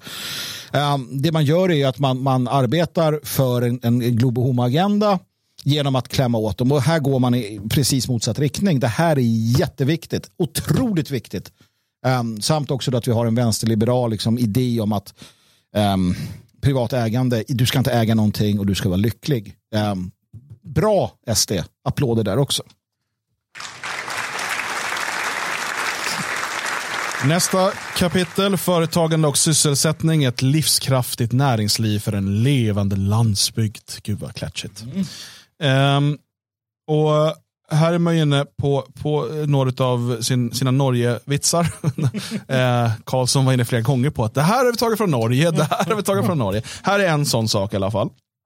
Eh, och det är ju då, dels vill man ju sänka arbetsgivaravgiften för alla företag, eh, generellt sett. Men ännu mer för företag i landsbygd och glesbygd. Man skriver att modellen med en förstärkt differentiering av arbetsgivaravgiften har praktiserats i Norge sedan 1970-talet med mycket goda resultat och har även förordats i Sverige av såväl landsbygdskommittén som Småföretagarnas riksförbund. Ehm, och det, det, det, här är eh, i högsta grad rimligt. Ehm, och, nu håller vi oss inom rimlighetens gränser. Jag hade velat ta bort alla arbetsgivaravgifter och sådär, men, men det, det, det, förstår jag att det inte kommer hända. Ehm, för att det finns andra eh, dels andra kostnader med att bo och eh, driva företag i landsbygd, till exempel eh, eh, transportvägar och så vidare. Eh, och det här är också ett sätt, om man vill att hela Sverige ska leva, som ju var en slogan en gång i tiden. Om man vill att landsbygd och glesbygd, små kommuner och så vidare ska kunna blomstra, så behöver de kunna eh, liksom vara attraktiva som, som arbetsgivare där. Eh, och genom sänkta arbetsgivaravgifter kan man höja lönerna. Mm. Alltså nettolönen du får ut. Så att du har samma kostnad för företaget, men du får ut 3000 kronor mer för att arbetsgivaravgiften är sänkt. Då eh, blir det också attraktivare att ta ett jobb i, i, en, i en gleskommun. Eh, så det är någonting man, man föreslår här. Sen är det inte detaljerat, men man skriver då att lindra sjuklöneansvaret och därmed små, småföretagens risker med att anställa. Det här är ju också så, i Sverige har du ju, du har ju den här karensdagen, jag vet inte om den är tillbaka nu eller borttagen, de, de håller på under coronan. Men sen har du ju två veckor då arbetsgivaren betalar. Vansinne.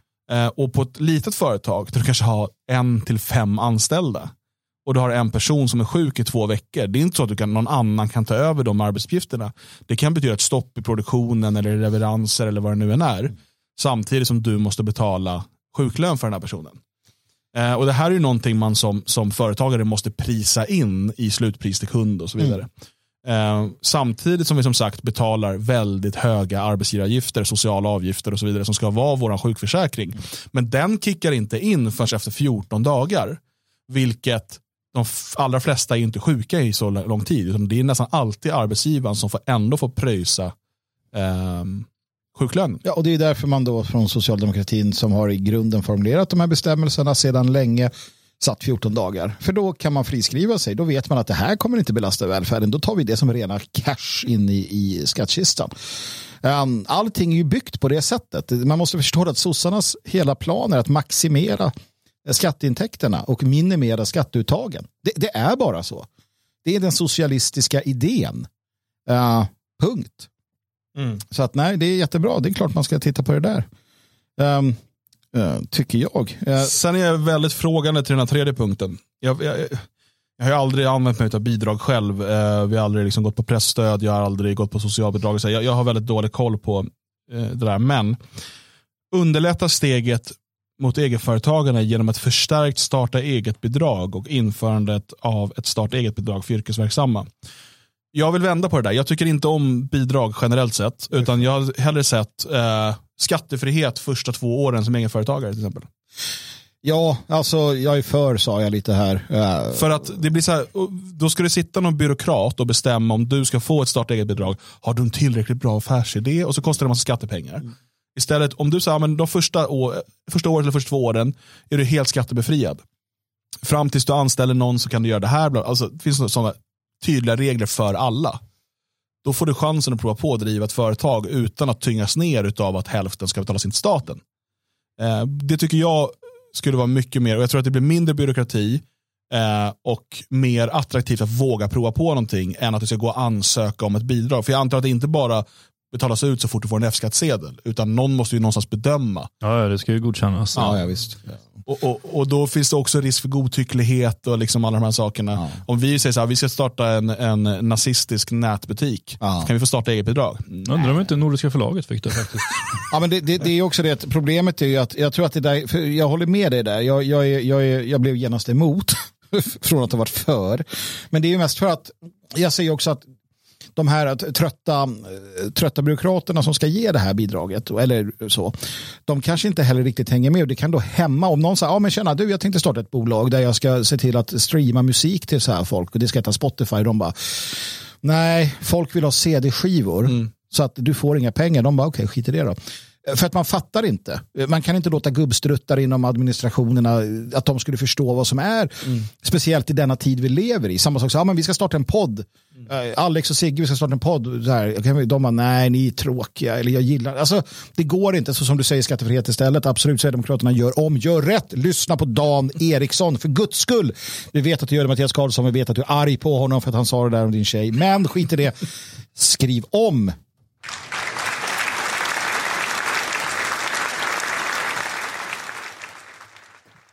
Rennäringslagen och rennäringsindustrins särställning och maktposition innebär idag en hämsko för företags och landsbygdsutvecklingen i stora delar av Norrland och bör ses över i grunden.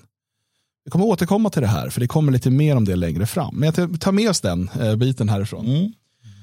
Eh, och eh, det är också här bara bra mot byråkratin. Underlätta företagens hantering av regelfloran och byråkratin genom att ta inspiration från den så kallade Rättviksmodellen där myndigheternas utgångspunkt är att understödja företagen och göra det lätt att göra rätt snarare än att övervaka och bestraffa. Jo, här borde vi ha en generell eh, förändring av attityder. Ja. Poliser, ni ska tjäna befolkningen, medborgarna, svenskarna. Eh, Som brandkåren, det är ingen som uh, liksom, så sätt ifrågasätter att de tjänar.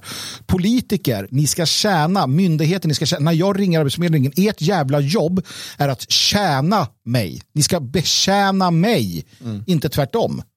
Eh, det skulle behöva vara en, en grundläggande, ett skifte i hela samhället. Naturligtvis så krävs sådana saker som, som eh, ett svenskt samhälle för det. Men i alla fall, eh, jag tycker att det är en, en bra början. Eh, men ska vi gå in på välfärd och samhällsservice istället då, kanske? Det tycker jag. Vad har vi där då? Eh, nej, men det är lite det som vi pratade om med eh, eh, Ulrika här och hennes eh, tandvård och så vidare. Eh, bland annat så pratar man om, och jag tycker det finns många bra saker här. Man, man vill ju på olika sätt eh, hålla kvar då specialistsjuksköterskor, läkare och behöriga lärare. Eh, att, att man ska få, till exempel föreslår man då avskrivning av studieskulder om man stannar kvar på sitt jobb på gles eller landsbygd. Och det borde ju falla dig på läppen eh, att, att man skriver av skulder istället för att nej, ni får ett extra bidrag eller någonting. Att, att det här är ett bra sätt att, att hantera det på. Jag tror att det skulle vara väldigt Jag attraktivt. tror man där kan göra som Ungern, som ju har inspirerats av andra, eh, också skulle kunna få eh, stimulera barnafödande genom att skriva av skulder för fastigheter, alltså f- för första hemmet och sådär. Eh, med antalet barn eh, man sätter till världen och sådär. Eh, så att det finns många sådana saker man kan göra med avskrivningar istället för bidrag. Du har mobila enheter för sjukvård och tandvård eh, i skärgården och andra svårtillgängliga glesbygds- glesbygdsmiljöer. Det här är ju fantastiskt bra idé. Till exempel Norrlands inland. Norrlands inland. Att du drar ut med en stor lastbil, kanske åker på, på en veckas eh, en veckas turné eh, och bokar upp och bokar in och så. så. Eh, jag, jag tror på det. Eh, för att glesbygdsbefolkningen är helt, de är helt okej med att välja bort eh, mycket. Eh, det är okej att det kommer en, en lastbil, att vi, det är lite sådär. Vi, det är lugnt, men inte fem års väntetid. Mm. Det är inte okej. Men att man får sitta i, i en lastbil och göra, ja men det är okej. Ja, men och sen jag menar att saker inte sker lika ofta och att man inte har lika nära, att man Mm. får göra sin sprit själv, sådana saker. Ja, precis. Eh, Det är lugnt. Det, det, det är ju sånt man får lära sig eh, och står ut med för att man slipper mycket annat som storstan eh, bär med sig. Men, men fem års väntetid eller att inte få någon vård alls är ju, är ju en, det accepteras inte. Jag tycker också att det är väldigt bra att man tar upp eh, särskilt då eh, trygga transporter för eh, förlossningsvården till exempel. Då. Alltså när du har långa eh, och potentiellt Där hälsovårdande har vi Norrland också, återigen Ja. som ett exempel. Att du ska kunna vara gravid i Norrlands inland och känna att inom en rimlig radie så finns en ambulans med, med förmågan att transportera dig de 20 milen. Och blir det att du föder under vägen så, så är det inga problem. Jo, för att där, där skulle man kunna säga, jo men varför inte bara bygga fler förlossningsavdelningar? Det, det är ineffektivt Nej, ja. när det är så pass glesbefolkat att ha, liksom, men, alltså att ha personal stående där som knappt har att göra. Nej, precis. Eh, det, det är svårt alltså. och där har ju vi som land en lite annorlunda utmaning än till exempel Centraleuropa som är mycket mer tätbefolkat. Så kolla, kolla Nederländerna liksom. Eh, det, det, det står de ju nästan på träskorna på varandra för att det, är, så, det är så trångbott. Eh, och då är det klart att alla har nära till en eh, och kan ha nära till en förlossningsklinik. Med Reinfeldts politik så hade vi släppt där om vi bara hade huggit ner den här skogen som han flög över och byggt sjukhus och hus istället. Ja, men om vi på allvar vill att människor ska kunna fortsätta bo och leva i Norrland och vem vet vad som kan blomstra där i framtiden och liksom skapa möjligheter för. Ja, då måste vi se till att, att människor vågar eh, bli gravida där ehm, och, och få en säker transport till förlossningen. Absolut. Eh, nej men så det är det man Men det är har. här de också kommer in på utökad fjärrundervisning och, och internetbaserad vård och omsorg och sånt där. Det är spännande. Eh, Jag tycker det känns lite obehagligt, men jag måste inse att det, det är nog eh, framtiden. Ja det är det ju. Eh, om du söker på hur lurar jag min arbetsgivare med ett vårdintyg så kommer du till uh, kry.se som första val. Eh, Vänta, varför? Vill du, är det något du vill säga till din arbetsgivare? Eh, ja. min, eh, som, som arbetsgivaren vet så är mina sjukdagar lite för, för många. Jag är beredd att offra mig för att få igenom det här. Så att jag alltid är sjuk på fredagar och måndagar. Precis, och alltid kry. Kryläkaren. Det finns ett problem med de här typen av, av vårdtjänster. Men inte mer än att vi behöver ju ett samhälle som eh, är lite mer av den andra gamla skolan med högre ansvarskännande. Jo, men sen så vadå, man måste omfamna den här tekniken och också Ja. se till. Sen är det alltid när det kommer en ny teknik så är det alltid några sådana här ostadiga år utav liksom skojare och, och, ja, visst, visst. in- innan man får liksom ordning på det och Ja. vi lär oss hur vi ska leva med tekniken. Ehm, Så snart är det slut på sötebrödsdagarna på fredagar här. måste du börja jobba igen Magnus? Jävligt. Ja. Eh, det var det jag hade att säga om det här. Björn Björkqvist, har du något att tillägga? Nej, jag säger att jag har markerat här också införandet av nationella tillgänglighetskrav inom ambulanssjukvården. Eh, men det är återigen så jag tycker det, visst det är bra, eh, men också lite svårt. Alltså för att Sverige är så pass stort och glesbefolkat. Så att det där att jämföra med andra länder tycker jag faller lite grann. Men absolut så, så borde det finnas någon form av regelverk hur, hur långt bort en ambulans ska få lov att utgå ifrån. Ja, sen, ja, jag vet, inte, titta på Australien där man har eh, ganska långa avstånd. Där finns det, ju, det finns en hel tv-serie om det där. Flying Doctors heter den. kan man titta och lära Ja, sig. jo, men det är en variant. En annan variant hade ju varit, eh, jag menar att, att eh, det tydligt i lagstiftningen till exempel finns ett undantag mot, mot hastighetsbegränsningar.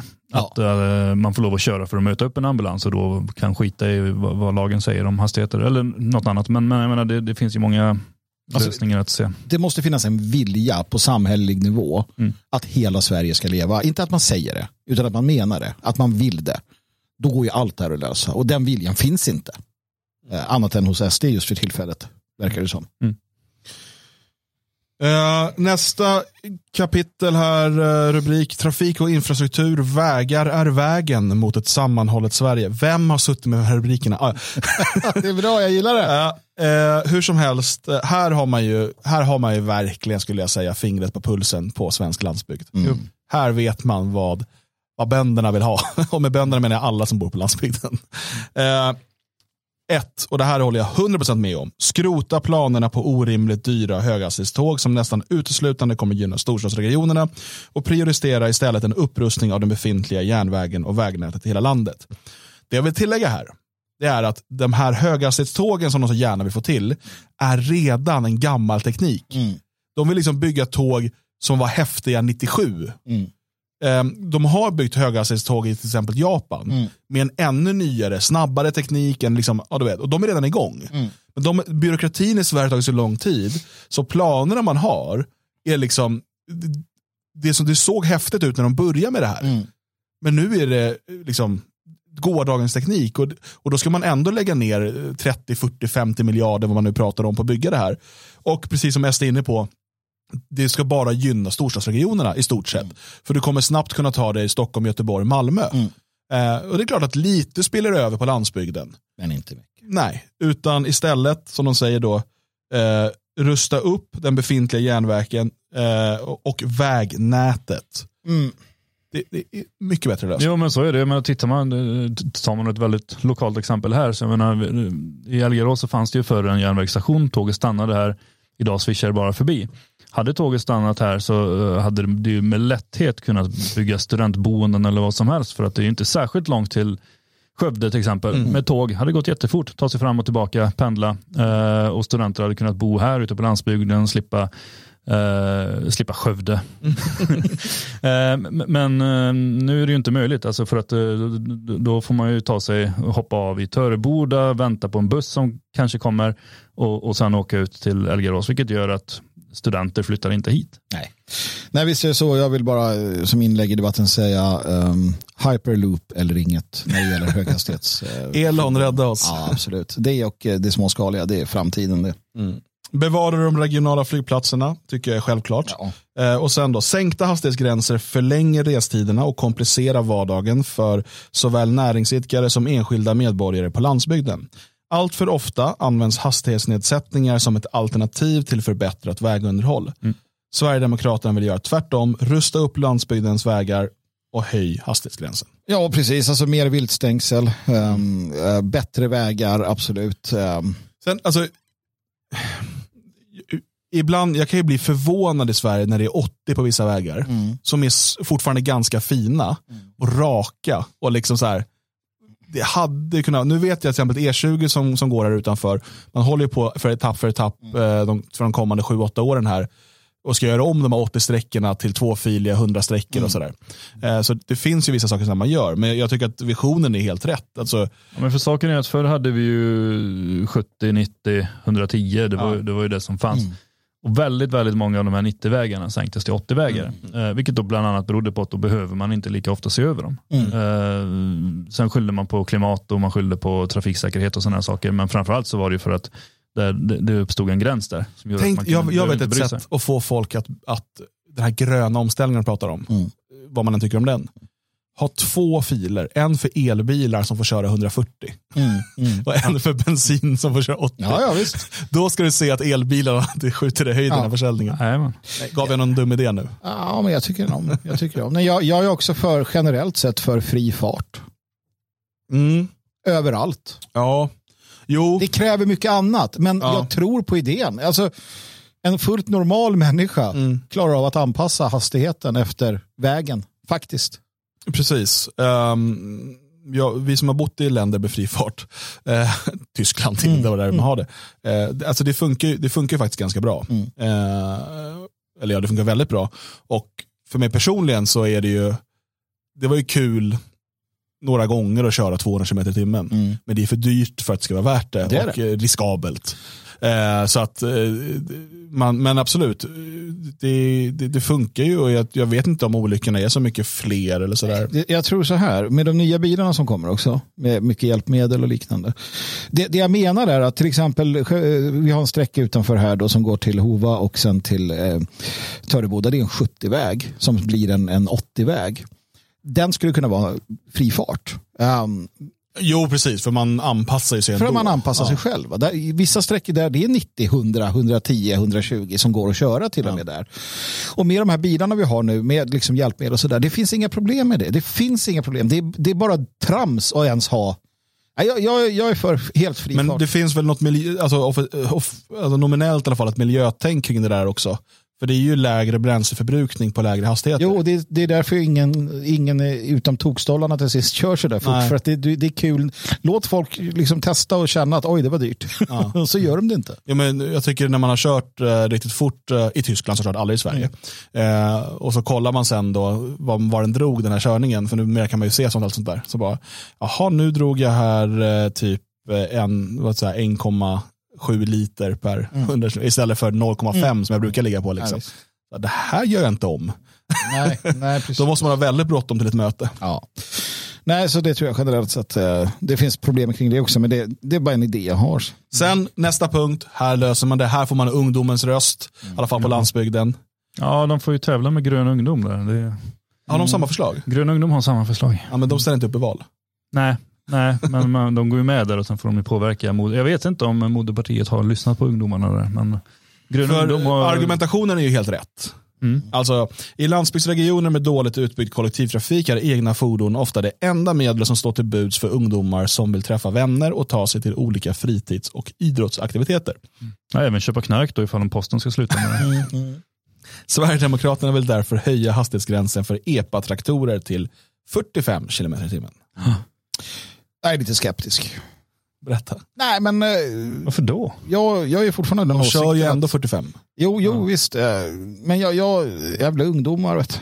Ungdomsas. Där jag kommer ifrån fanns inte en EPA som låg inte ha under någon 90. A-traktor. Nej. Eh, De, har inte, de är inte bra på att köra. Alltså. Ja, men Nej. så, saken är ju så här att, att de här um, EU-mopederna som man kan köpa som ser ut som små bilar, Mm. som är typ gjorda av plast, som man åker runt med, de får gå i 45 km i timmen. Totalt livsfarliga att krocka med. Ja. Eh, medan EPA-traktorerna är ju riktiga bilar som man har by- bytt ut motorn till en diesel eller traktormotor och strypt. Ja. Eh, så, så att det, det blir ju det, det är ju klart, eh, ja, det är klart det, det, blir kanske mindre säkert för de som står bredvid vägen, men för de som sitter i bilen blir det ju betydligt säkrare Nej, men- med, en sån än med en EU-moppe. Jag, är, jag är självklart för. Men det är det ju inte. jo, det är jag. För att när jag tittar du på det. kastar grejer på EPA-traktorer som Ja. kör utanför. Ja, nej det gör jag inte riktigt. Nej, men jag, du inte. jag ser det ju väldigt sällan. Jag, jag tror att, att, eh, att, ehm, och det ser jag ju här också, vi har ju EPA-traktorer en mass. Och det är ju sällan de är inblandade i några problem och de kör ju inte heller alltid. Har jag sett. Alltså det enda är ju att man är trött på att ligga bakom dem och de, kan de då köra lite fortare så blir man ju lite gladare. Ja, fast inte alls särskilt Nej. mycket för att det är fortfarande att man vill blåsa om dem i 110. Jo, jo, men sen eh, enligt, eh, för jag var inne och läste på Grön ungdom just när jag såg dem, de har ju tryckt upp sådana här plastiga klistermärken som, som sitter överallt eh, med 45. Um, de kunde ha tryckt sådana i papper men de tyckte att plast var bättre för klimatet eh, tror jag. Eh, och där, så du var inne och läste deras argumentation och det, är- det är ju bland annat att de menar att i och med att bilarna är strypta till 30 så drar det också mer eh, bränsle än vad det skulle göra vid 45 för det är väl någon gräns där med växlingen Det är sant. som de har räknat ut. Så, så på så sätt så är det ju även ett klimatförslag från Sverigedemokraterna. Ja, men det är det. Och så tittar vi på varvtalen, hastighet kanske. Det märker man själv när man kör att eh, ibland drar man mycket, mycket mindre. Så att eh, absolut, ja, jag kanske till 50 kanske skulle vara något också. 75. Ja, 100. Ja, vi, vi startar varsitt parti och sen bara tävlar vi om vem som kan ha högst hastighet för i, är epatraktorer. det i typ Miami eller vad heter det, Kalifornien, Florida, där är det ju 16-årsgräns på, på att köra bil. Liksom. Ja, eh, i Tyskland får du också köra men då måste du ha en förälder med dig när du kör. Typ. Det blir ju typ som övningskörare. Ja, det får man ju i Sverige med från 16. Ja, fast det är inte övningskör. Du har ett körkort, men Ja. du får inte köra. Ja, det är något sånt där. Men det är från 17 kanske, jag kommer inte ihåg. Ehm, det, det, och sen är de inne också på jordbrukets och skogsbrukets behov av en viss vägbredd för sina maskiner bör respekteras och fler broar och vägsträckor bör rustas för att kunna få en ny bärighetsklassning. Och så där. Det, det här är sånt som, som är viktigt på, på landsbygden såklart. Eh, utöka eh, utbyggnaden av laddinfrastrukturen för elfordon i landsbygd och glesbygd. Det är självklart. Alltså ska, ska elbilar eh, slå igenom på allvar så måste det, Ja, ja. Alltså det måste mång, mång dubblas kan jag säga. Eh, mot hur det ser ut nu. Det måste finnas mer el också. Det också. Ökade satsningar bör ske på it-infrastruktur med målet om att snarast möjligt nå 100% bredbandstäckning och mobiltäckning i landet. Det där tror jag nog att alla partier säger. Va? Mm. Mm. Nu kommer vi in på samefrågan. Eller ja, jakt, sportfiske och viltvård som jag döpt till samefrågan. Då. Här kom det ingen klatschig sån underrubrik. För då skulle det vara same, same. Shit, same eller någonting. Um, decentralisera viltförvaltningen eh, och sen är det också det här med vargar då där man vill, man vill ehm, minska den svenska vargstammen eh, så att den ska hållas på ungefär 170 individer. Ehm, förenkla licensprocesser för Där undrar man ju varför just 170 är så perfekt. Alltså. det, det är säkert någon intresseförening som har räknat fram att det ska Precis. vara. Den bör ju vara mycket eh, mer minskad. Noll. Bort med raggen. Förenkla licensprocesserna för jaktvapen. Mm. Jättebra, fantastiskt. Ja. Ta bort licens för jaktvapen. I princip är jag för det. Eh, och eh, här då. I ljuset av rättsutvecklingen på senare tid bör Hoppar en, du över hatet mot skarven här? Vad är det, vill du, var det viktigt för dig det där? Jag kände nej, att det var en, nej, jag har ingen aning. Jag vet knappt vad en skarv är för något. Nej, men det, det är sant, de ska väcka jävla skarvar. Så sitter och skarvar dagarna ända. Va? Ja, det här tyck, för nu kommer jag till, till samefrågan då. Som, som Sverigedemokraterna kallar det, samefrågan. Det gör de ju inte. Nej. Fjälljudefrågan. I ljuset av rättsutvecklingen på senare tid bör en översyn av gällande lagstiftning göras med syfte att värna allemansrätten och möjligheten till fjällfiske och fjälljakt för alla svenska medborgare. Det var dödsstöten för det folk som inte finns, Björn Björkqvist. Ja, jag är ju så här lite skeptisk till det här. Ska inte... Ja, med alla svenska medborgare. Jag tycker att det är etniska svenskar bara skulle få. Men, men visst, låt samerna fiska också. Vilka då? Det här, det här grundas ju i det, och det här har vi pratat om tidigare, eh, att eh, de här samebyarna då, som består av samer och framförallt renägande samer, och det, det, det är väldigt mycket korruption och så vidare. Eh, de har ju då fiske och jakträtterna i de här områdena eh, och bestämmer vem som får fiska och jaga där och säljer eh, fiskerätter till hutlösa priser till svenskar trots att det är svensk mark. Och Det här är självklarhet och jag tror att vi kommer få se en del sametårar faktiskt. För det här har jag inte sett förut från Sverigedemokraterna. Nej, här är, här är det på något sätt... Det känns som att Mattias Karlsson har en, ett renhorn i sidan. Ja, nej, men han har ju definitivt eh, lyssnat på svenskar där uppe. Ja, ja, det har han Och ju. det är kul. Det är, det är väldigt trevligt. Eh, och det kommer bli kritik om eh, hela programmet i övrigt kommer mötas av eh, i princip tystnad. Nu har de fått en del uppmärksamhet precis när de släppte det, men, men de ser framöver så kommer just den här punkten att lyftas och snyftas om ja, det... från ren näringshåll som det kallas. Det är bra för att det skaver renfrågan. Mm. Oj, oj, oj. Renskav, det är gott. Ah. Om man kan Lapp. importera från något annat land så. Lappskav är godare. Uh, sen är det en del andra saker om jakt, sportfiske och viltvård här som jag inte har några riktiga åsikter om. Ja, men det är ett jaktparti uh, och det är bra. Mm. De, de, vill, de vill skydda Öka och permanenta stödet Svenska Jägareförbundets viktiga arbete mot invasiva arter. Det här pratade vi om för några dagar sedan. Ja, och vi pratade om att det ska öppnas. Vi kan behöva en ny myndighet också här. Det, just, eller att det kanske ska omfatta vi ska ha en mer korrekt omfattning av invasiva arter. Ja. Vad som är det eller inte.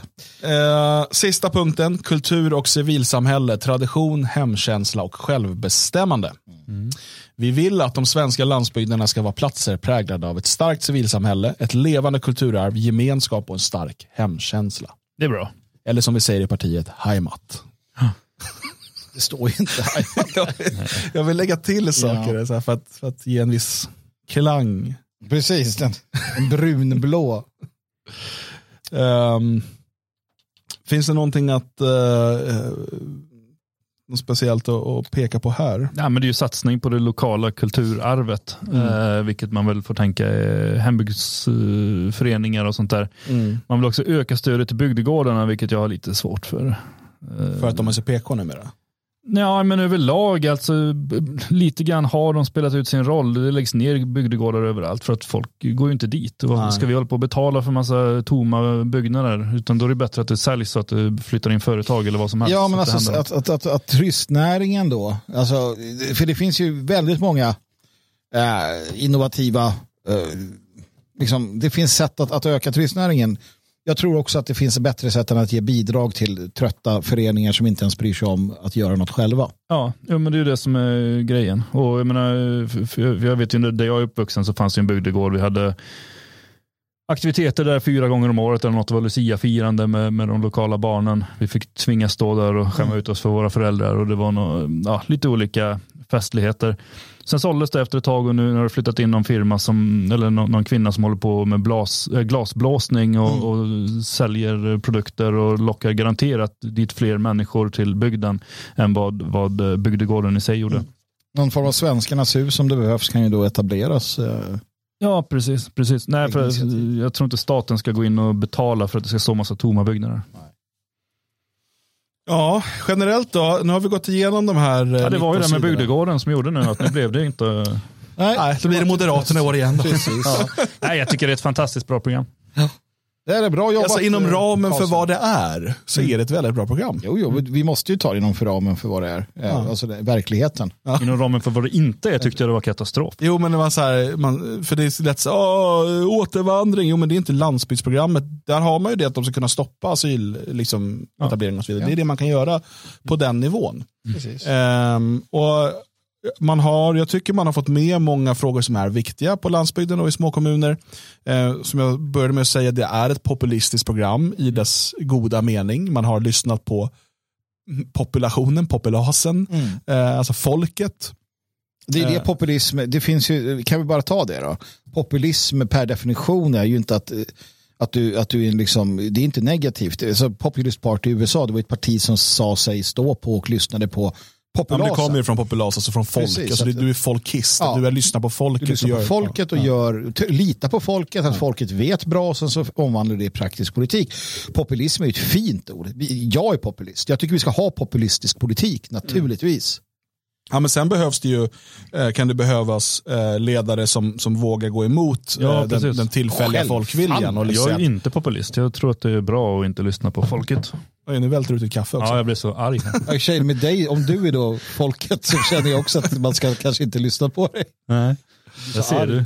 Varför vill du inte att man ska lyssna på folket? Nej, men det är klart man kan lyssna på folket, men sen skita i vad de säger. Du menar alltså. som man gör idag, alltså demokratin, du är liberaldemokrat alltså? Nej. Nej, men det här är ju, folket röstar ju på det de vill ha. Och då blir det det här. Varsågoda. Ja, men folket vill ju ha det som vi pratat om nu, för de har lyssnat på folket. I Ja, då får de ju rösta på det nu så får vi se om det blir så. Men de kommer fortsätta rösta på Socialdemokraterna och då är det det folket vill ha. Inte det folket. Nej, det är ju uppdelat också mellan olika partier och vilka av folket Ja, men det ska bli intressant att se hur väl får man ut det här. Då måste man eh, vara gravt schizofren om man ska lyssna på folket om folket tycker olika. hur, hur, hur väl får man ut det här till lands och glesbygd? Lyckas man ta lite centerpartiströster? Lyckas man ta lite sånt här nu?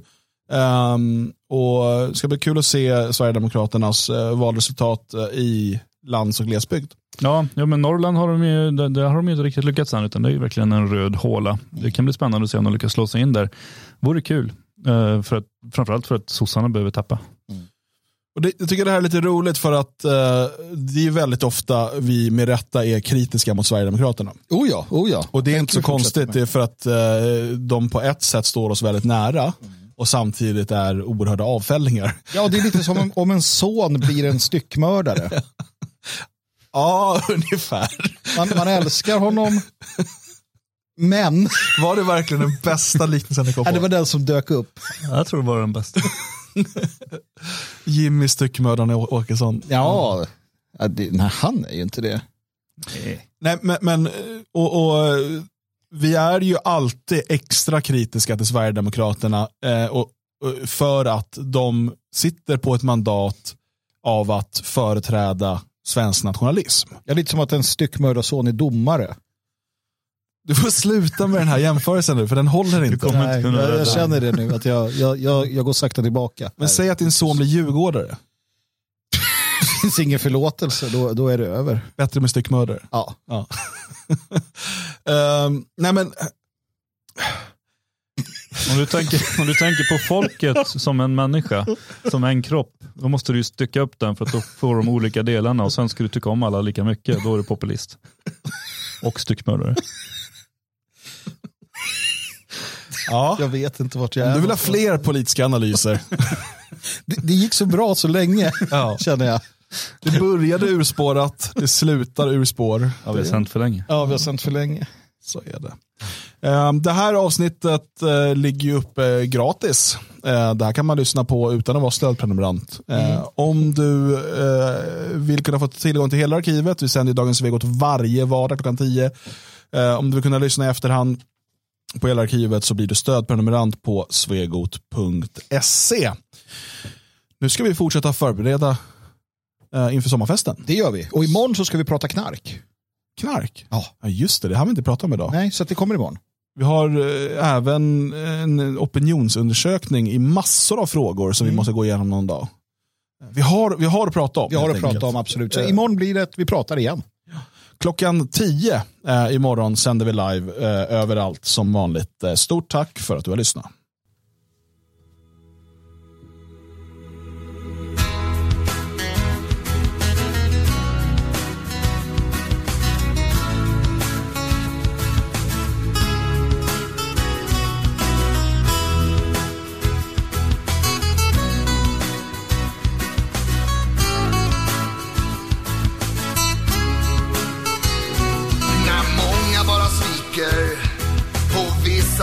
Ljuger och nästan alla säljer vad som helst för att få makt. Då vänder jag dem ryggen och tittar ner mot marken. Där står en liten blomma så enkel i sin prakt. Och jag har gått er asfaltsled så lätt att följa varje steg. Men jag klev av för jag är inte feg. Den lilla blomman som ensam står och lyser vars trådar ner i marken är tusen år och mer.